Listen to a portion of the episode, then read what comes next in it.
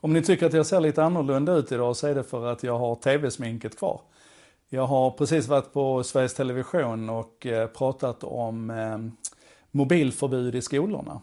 Och då är jag lite så här tv-sminkad så ni får passa på att njuta av det. Det är inte vanligt i min lilla gerillaproduktion av en sak idag att jag har tv-kavaj och, och eh, eh tv-smink. Men, eh, men så är det. Och jag kommer direkt därifrån så det här spelar jag alltså in på torsdagskvällen och så lägger vi ut det som fredag morgons en sak idag. För vad jag vill prata om är just det här med Sveriges Television, traditionella medier och i det här fallet då Aktuellt som alltså sänds klockan 21 på eh, TV2, SVT2 och som man kallar för ett fördjupande nyhetsprogram. Och det här är en, en, produktion som drar stora resurser. Man skeppade ner eh, Sofia Miriamsdotter ifrån Sundsvall för att prata metoo. Ett stort ämne som fick sju minuter. Man skeppade upp mig från Helsingborg, vilket jag naturligtvis uppskattar. Men ändå, vår diskussion om mobiltelefoner och mobilförbud i skolan. Det fick ett eh, två minuters inslag och sen knappt fem minuters diskussion mellan mig och en snubbe som heter Anders Hansen.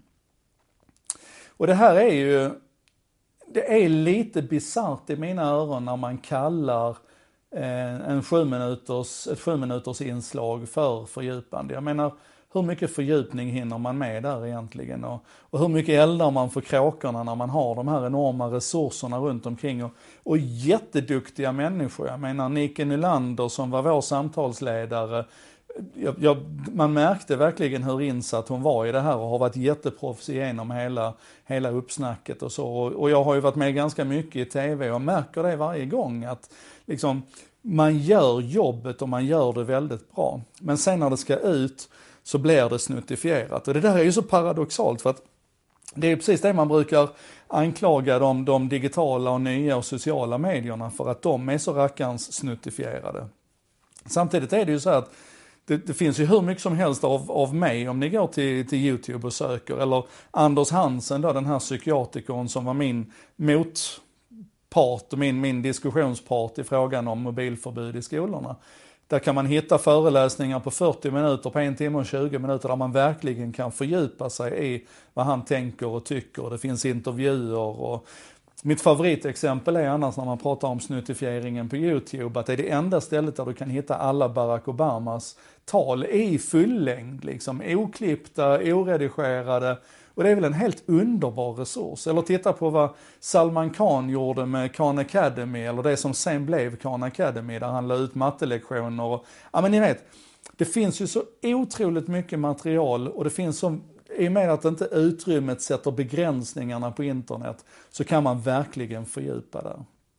Och jag hade ju gillat om efter, efter vår korta samtal i studien, i studion med sändning ut på SVT2. Om vi hade kunnat fortsätta det samtalet efteråt, ut på deras YouTube-kanal eller ut på SVTs Facebook-sida och låta samtalet, alltså när vi nu ändå har gjort så mycket förberedelser, alla inblandade runt det här, varför inte låta samtalet ta plats?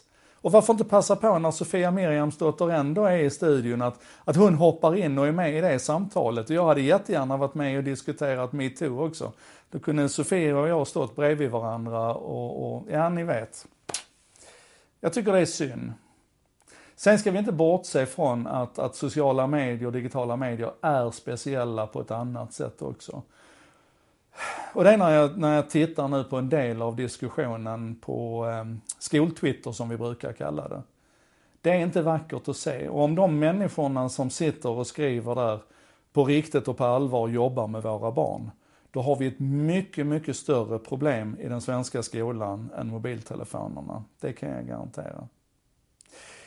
I alla fall, det jag tycker vi ska ta med oss ifrån den här, den här en sak idag, det är kraften och kapaciteten i att låta samtalet och låta diskussionerna och på riktigt låta fördjupningen ta all den tid och all den plats och all den kärlek vi kan ge den i de digitala kanalerna. Så om du tycker att någonting är oavslutat i en diskussion på Sveriges Television, kicka igång din egen kamera, starta en backchannel och, och låt, eh, låt samtalet och fördjupningen flöda. Jag tycker det är ett, ett ansvar vi alla har nu när vi faktiskt har den möjligheten.